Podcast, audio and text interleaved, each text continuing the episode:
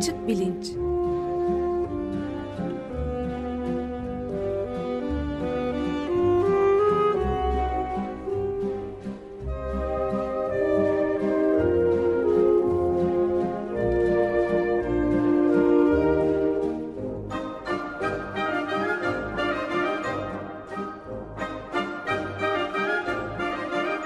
Güven Güzeldere ile bilim ve felsefe sohbetleri.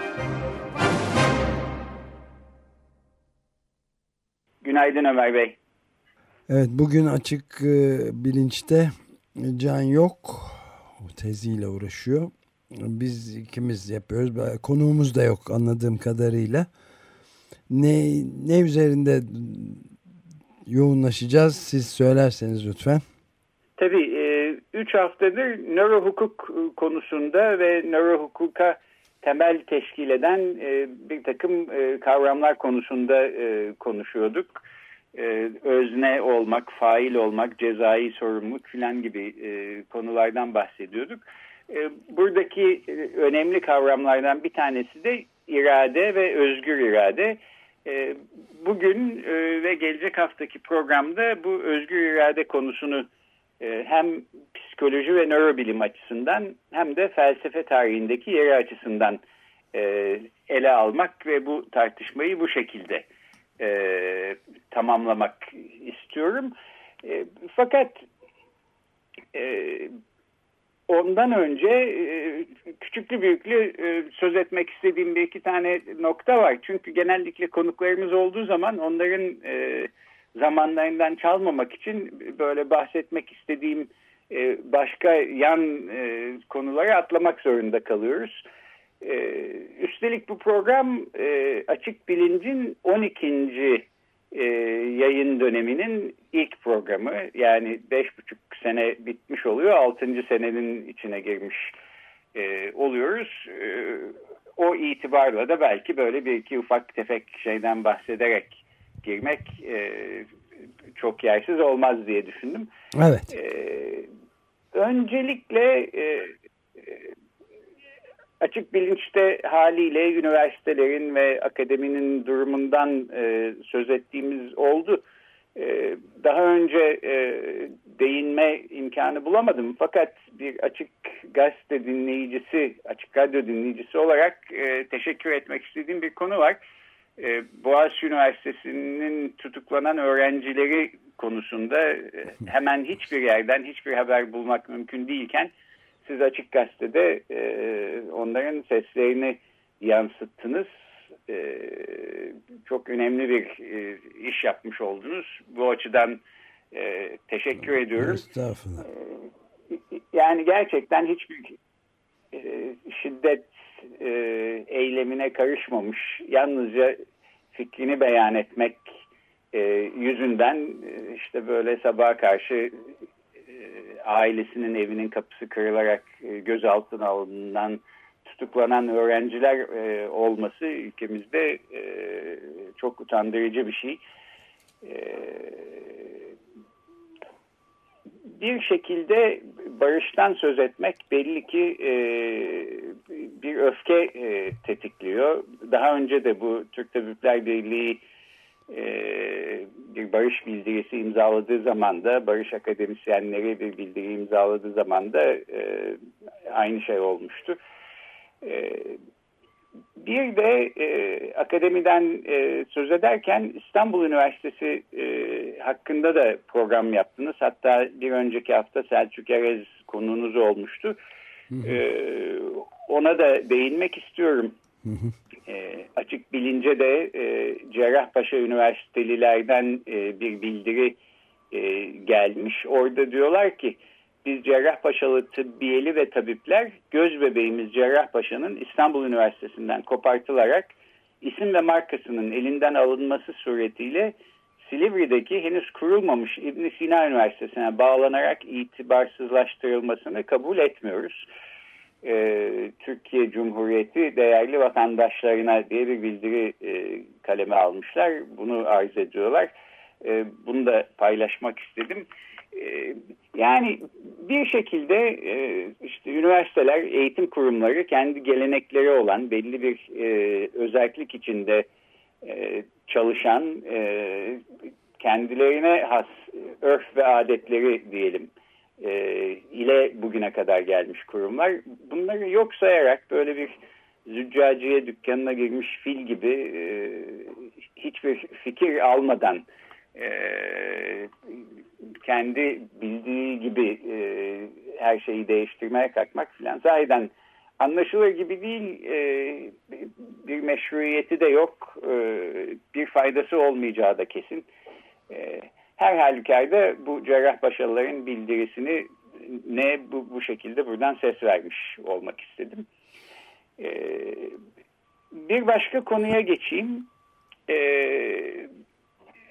açık radyoya benim e, adıma bir takım e, tanıtım amacıyla sanıyorum kitaplar gönderilmiş. E, bir, bir senedir falan böyle bir durum varmış. Benim bundan haberim yoktu. Kardeşim Altı bu kitapları derleyip toplayıp sağ olsun bana ulaştırdı. E, bunlar aslında konu itibariyle e, açık bilinçle işlediğimiz e, meselelere yakın gelen içerikleri olan kitaplar. Domingo yayınları ve Asi kitap e, tan e, gönderilmiş. E, yeni haberim oldu. Bu iki kitap evine de teşekkür ederim. Bu kitapların içindeki malzemeler açık bilinç konularına yakın geldiği e, zaman e, mutlaka kullanacağız. Bunu söylemiş olmak istedim. Evet, bu konuda ee, bizim de kusurumuz oldu bu, iletmekte kusura bakılmasın. Yok estağfurullah acil bir şey de değilmiş zaten anladığım kadarıyla ama sözünü etmiş olayım dedim. Ee, şimdi bir de e, teessüf demeyeyim ama anlamadığım bir konuyu e, dile getirmek istiyorum. Bu her e, haftanın pazartesi günü e, salı günkü program yayınlanmadan önce Twitter'dan e, program duyurusunu e, paylaşıyorum. E, hem programın bir özeti olsun hem de e, aktardığımız kaynakların referansları olsun. İsteyen oradan gitsin baksın bulsun falan diye. Bu e, Twitter duyurularının en sonuncu parçası bir zincir halinde oluyorlar. Hep şöyle diyor. Açık Bilinç İstanbul'da 94.9 FM Açık Radyo ve Dijital Dünya'da Açık Radyo.com TR üzerinden her salı sabah 09.10 arasında yayınlanıyor program özetlerine aktardığımız kaynak aktardığımız kaynaklara ve podcast arşivine ulaşmak geçmiş kayıtları sonradan dinlemek için işte açıkradio.com.tr falan orada adresini veriyorum. Ee, şimdi her duyuruda böyle demiş olmama rağmen hemen her duyuruda e, bir bazen birkaç kişi e, bu Twitter duyurusuna şöyle bir soru e, ekliyor. E, programın podcast'i var mı? Ya da program bu salı kaçıracağım programı sonradan dinleyebilir miyim? Şimdi buna şaşırmıyor değilim çünkü e, yani bir şekilde bu duyuruları okuyorlar ki buna karşı böyle bir soru soruyorlar. E, o, o programı ilginç buldukları için filan. Fakat e, daha ne yapsam da aslında evet bütün programları sonradan dinlemek mümkün. Podcast arşivi de şurada duruyor bir tık ötenizdeyi e, herkesin e, gözünden kaçmayacak bir şekilde e, ortaya sunabilsem buna bir çare bulamadım. E, doğrusu buradan böylece söylemiş olayım dedim. evet peki yani hakikaten yapılacak evet. pek bir şey yok.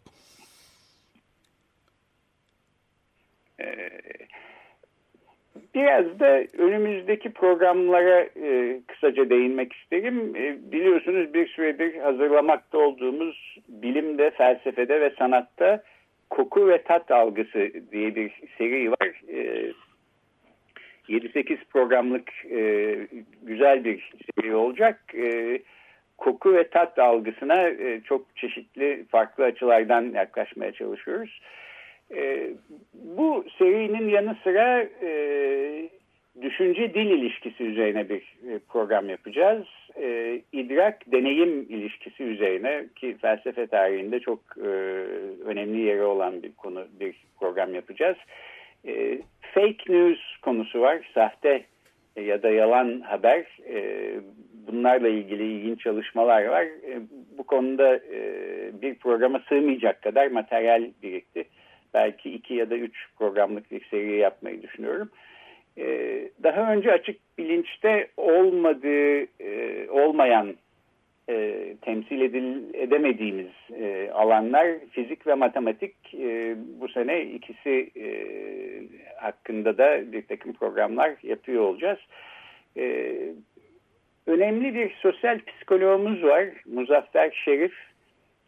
Bu aralar Türkiye'de de yeniden biraz daha ismi gündeme geldi. İlginç çalışmaları var.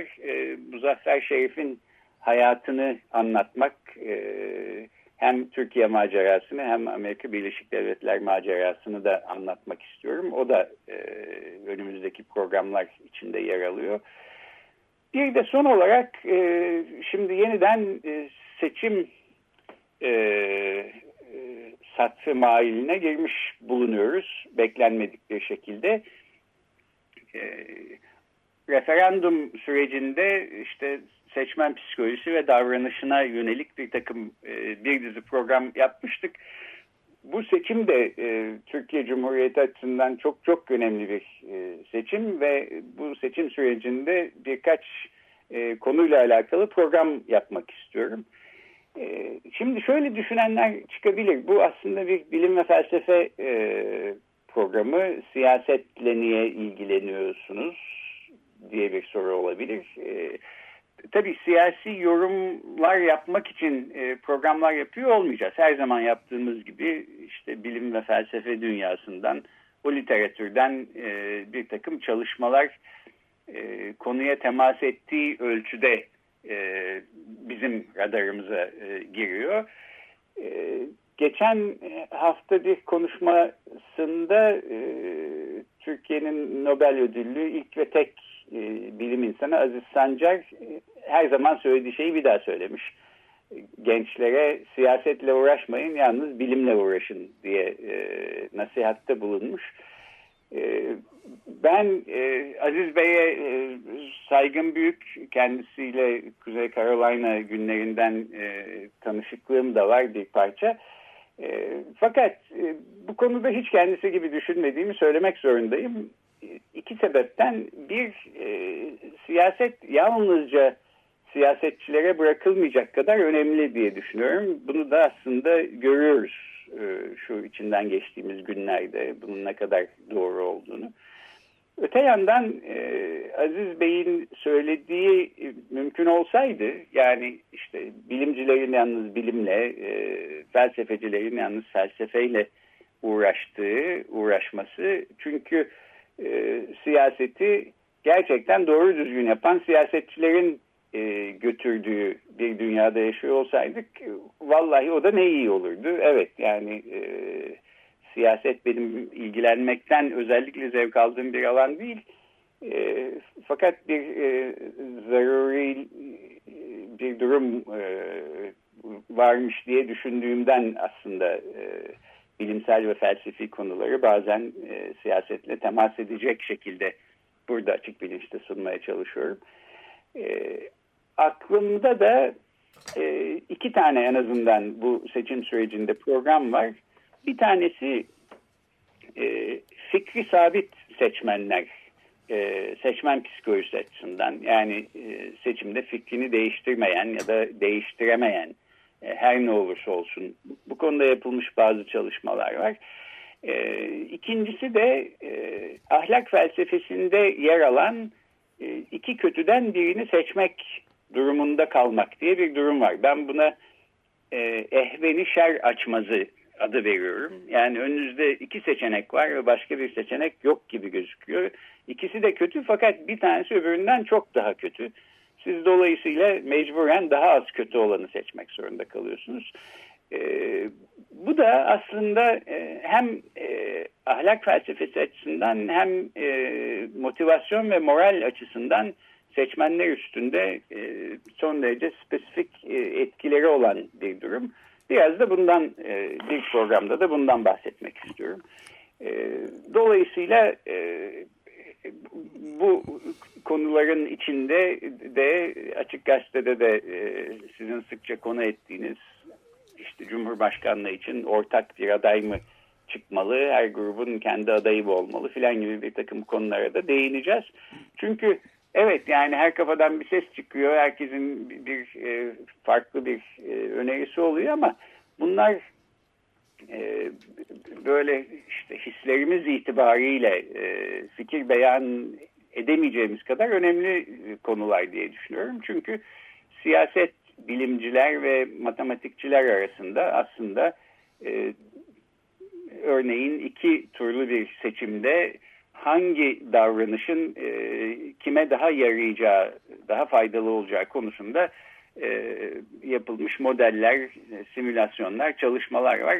Bunlara bakmak e, gerekir kanısındayım. Bunlardan bağımsız olarak fikir bildirmek işte orta kadar çıkartalım o da şu olsun filan demek bana doğrusu e, pek anlamlı gelmiyor. E, bu konularda biraz bilimsel çalışmalara bakar oldum. E, ilginç bir şeyler bulabildiğim ölçüde bunları da ilerideki seçimden önce e, yapacağımız programlardan bir ya da ikisinde e, dile getireceğim diye umuyorum. Evet yani e, Ali Bilge ile de aslında uzunca bir süreden beri belki de yıllardan beri eski programlarda da konuştuğumuz ama son zamanlarda iyice gündeme de oturmuş olan bu muhalefet bloku ve demokrasi hukuk devleti üzerinde odaklanmış sadece demokrasi, özgürlükler ve hukuk hukukun üstünlüğü çerçevesinde oluşmuş bir blokun nasıl oluşturulacağı konusunda da e, epey bir e, konuşma yapmaktaydık ve yapmaya da devam edeceğiz herhalde zaten. Evet ve çok çok önemli, çok kritik bir konu olduğunu ve kritik bir dönemeçte aslında e, yanlış kararlar e, verme lüksü olmayan e, bir muhalefetin ne yapacağını e, işte böyle merakla beklediğimizi bir taraftan da e, gözlemlediğimizi e, söylemeliyim. Ben de herkesin olduğu gibi benim de içimden geçen ve geçmeyen işte adaylar var.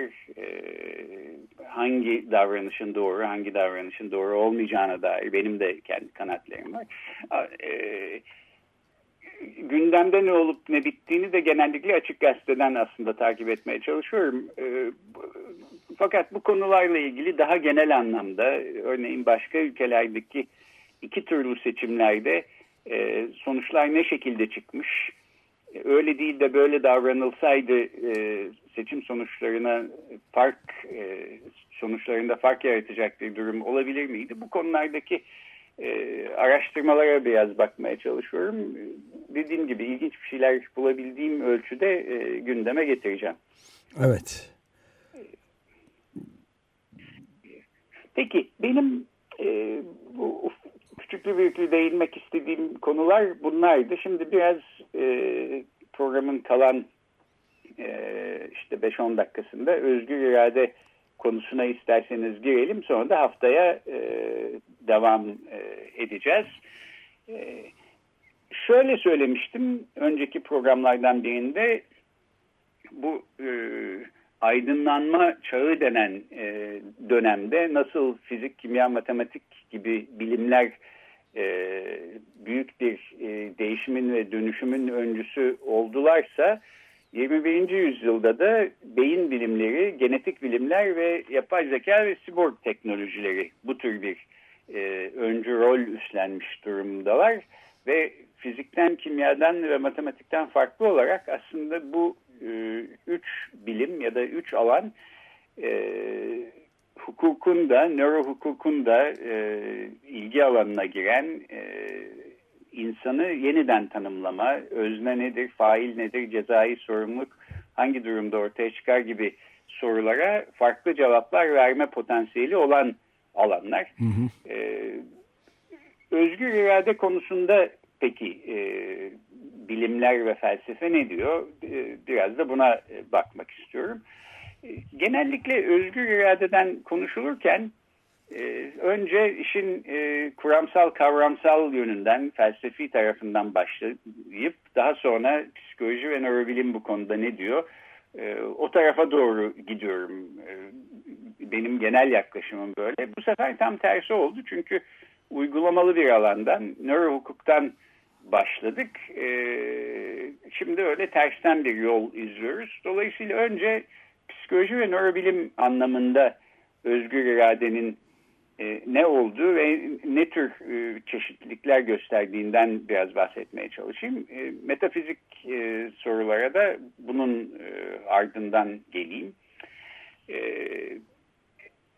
20. yüzyılda belki en etkili olmuş e, felsefecilerden bir tanesi çok şahs, nevi şahsına münhasır bir kişi olan Ludwig Wittgenstein e, bir mühendis e, daha sonra Bertrand Russell'ın öğrencisi oluyor. İşte felsefe dünyasına ilginç katkılarda bulunuyor. En etkili olmuş olan kitabı da ölümünden iki sene sonra yayınlanmış olan Philosophical Investigations. İngilizce öyle çevrilmişti. Felsefi incelemeler. Orada e, irade konusunda şöyle bir soru soruyor Wittgenstein. Diyor ki e, kolumun havaya kalkmasıyla benim kolumu havaya kaldırmam arasındaki fark nedir? Hatta e, soruyu tam olarak e, şu şekilde soruyor. Benim kolumu havaya kaldırmam olgusundan kolumun havaya kalkması olgusunu çıkartırsam geriye ne kalır? E, ne kalır? Aslında işte e, bir öznenin niyeti gibi bir şey kalır. E, zihinsel bir şey kalır. Yani kolum kendiliğinden de havaya kalkabilirdi. Başka birisi tutup kaldırabilir ya da e, benim istemim dışında işte bir ip bağlayıp çekebilirsiniz filan. Kolumun havaya kalkması bir hareketi imliyor. Benim kolumu havaya kaldırmam ise benim yaptığım bir davranış olarak e, bir niyet ve isteğin içsel mekanizmalar sonucunda ortaya çıkması e, ile e, mümkün olan bir davranışı imliyor. Yani hareketle davranış arasında böyle bir e, önemli fark var gibi duruyor. Dünyada her fiziksel nesne hareket edebiliyor bir şekilde. Kendiliğinden hareket edemiyorsa ittirip hareket ettirebiliyoruz. Ama her fiziksel nesnenin davranışı yok. Canlıların davranışları var. E, bu davranışlar çerçevesinde de e, bazı davranışların irade ile mümkün olduğunu, bazılarının ise iradeye gerek e, göstermediğini görmek mümkün. E, nasıl? Şöyle bir örnek vereyim. Bundan aslında Açık Radyo'nun hazırlamış olduğu açık kitapta da bahsediliyordu. Fakat kitabın bir kopyası buradaki kütüphanemde yok. Dolayısıyla bulamadım. E, yine 1950'lerde 20. yüzyılın ortalarında ilginç şeyler yapmış İspanyol bir e, fizyolog var. Manuel e, Jose Delgado diye Yale Üniversitesi'nde. E, bu adamın ilgi alanı e, canlıların beyinlerine bir takım uzaktan e, stimüle edilebilecek e, küçük devreler e, takması ve daha sonra radyo dalgalarıyla e, bunları tetikleyerek bu canlıların davranışlarında nasıl farklar yaratabileceğini e, gözlemlemek. E, sanıyorum İspanyol olmasından, İspanya'nın e, güneyinde doğmuş büyümüş, e, bunun da etkisiyle İspanya'ya gidip boğalar üstünde de bir deney yapıyor. Ve bir takım boğaların beyinlerine işte bu İngilizce'de stimoceiver denen yani herhalde stimulus receiver'ın kısaltılması olsa gerek uyarı e, alıcısı e, takıyor. E, ve çok bilinen bir deneyinde işte böyle bir e, beynine böyle bir e, araç takılmış bir cihaz takılmış olan e, boğa e, boğa güreşçisine saldırmak üzereyken e, uzaktan kontrol edilen e, radyo dalgaları sayesinde e,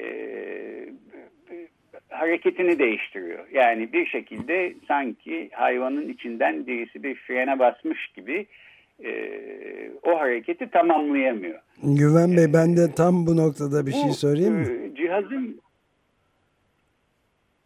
e, tabii bu cihazın bir ismi vardı ve açık kitapta da geçiyordu evet. fakat bulamadım neydi hatırlayamadım. Ben de hatırlayamadım okumuştum aslında ama e, yani daha doğrusu yazılımında da hatta katkımda olmuştu diye hatırlıyorum. Fakat burada asıl sorulacak soru belki şimdi şu hale gelebilir.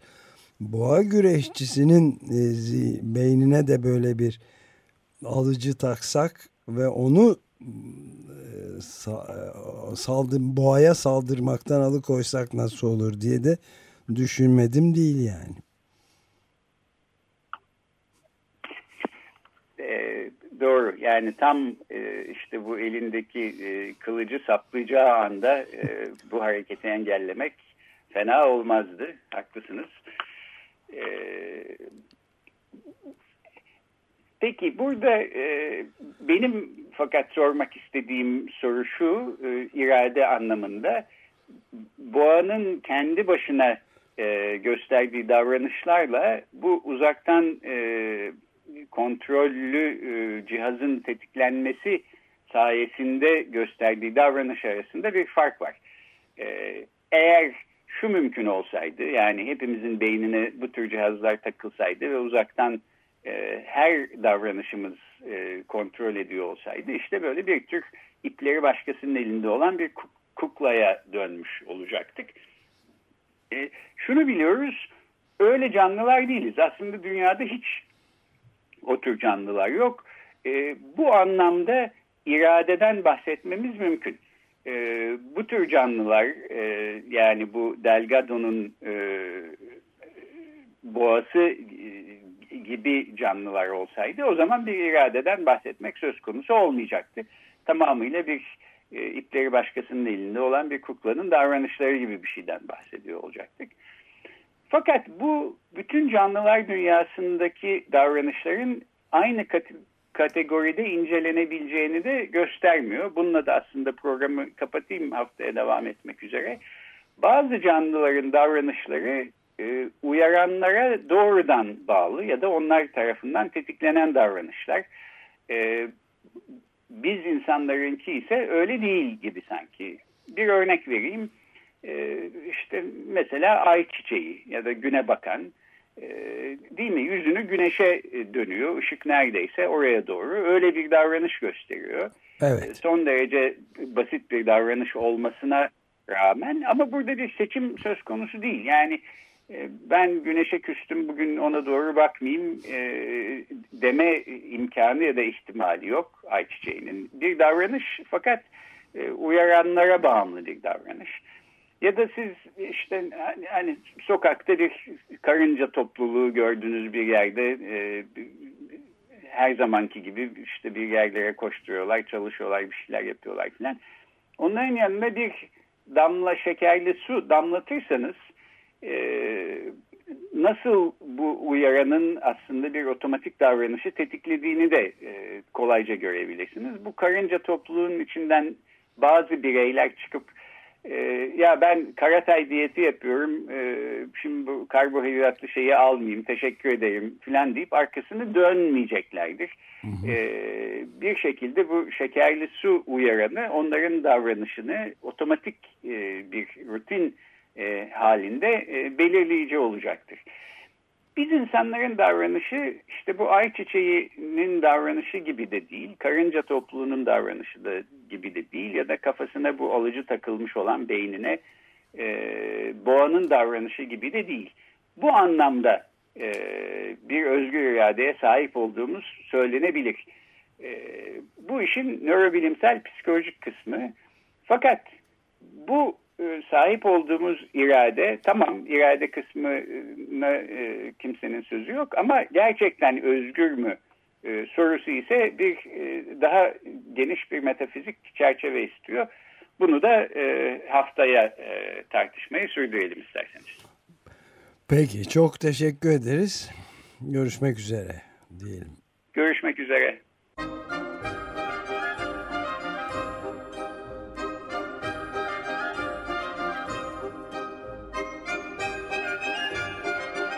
Açık Bilinç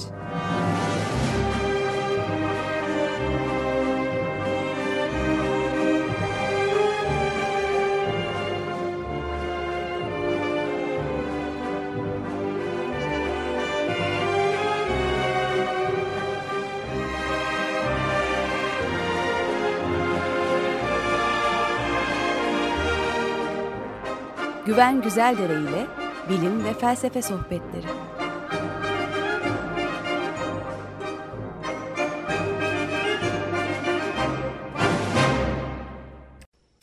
Radyo program destekçisi olun. Bir veya daha fazla programa destek olmak için 212 alan koduyla 343 41 41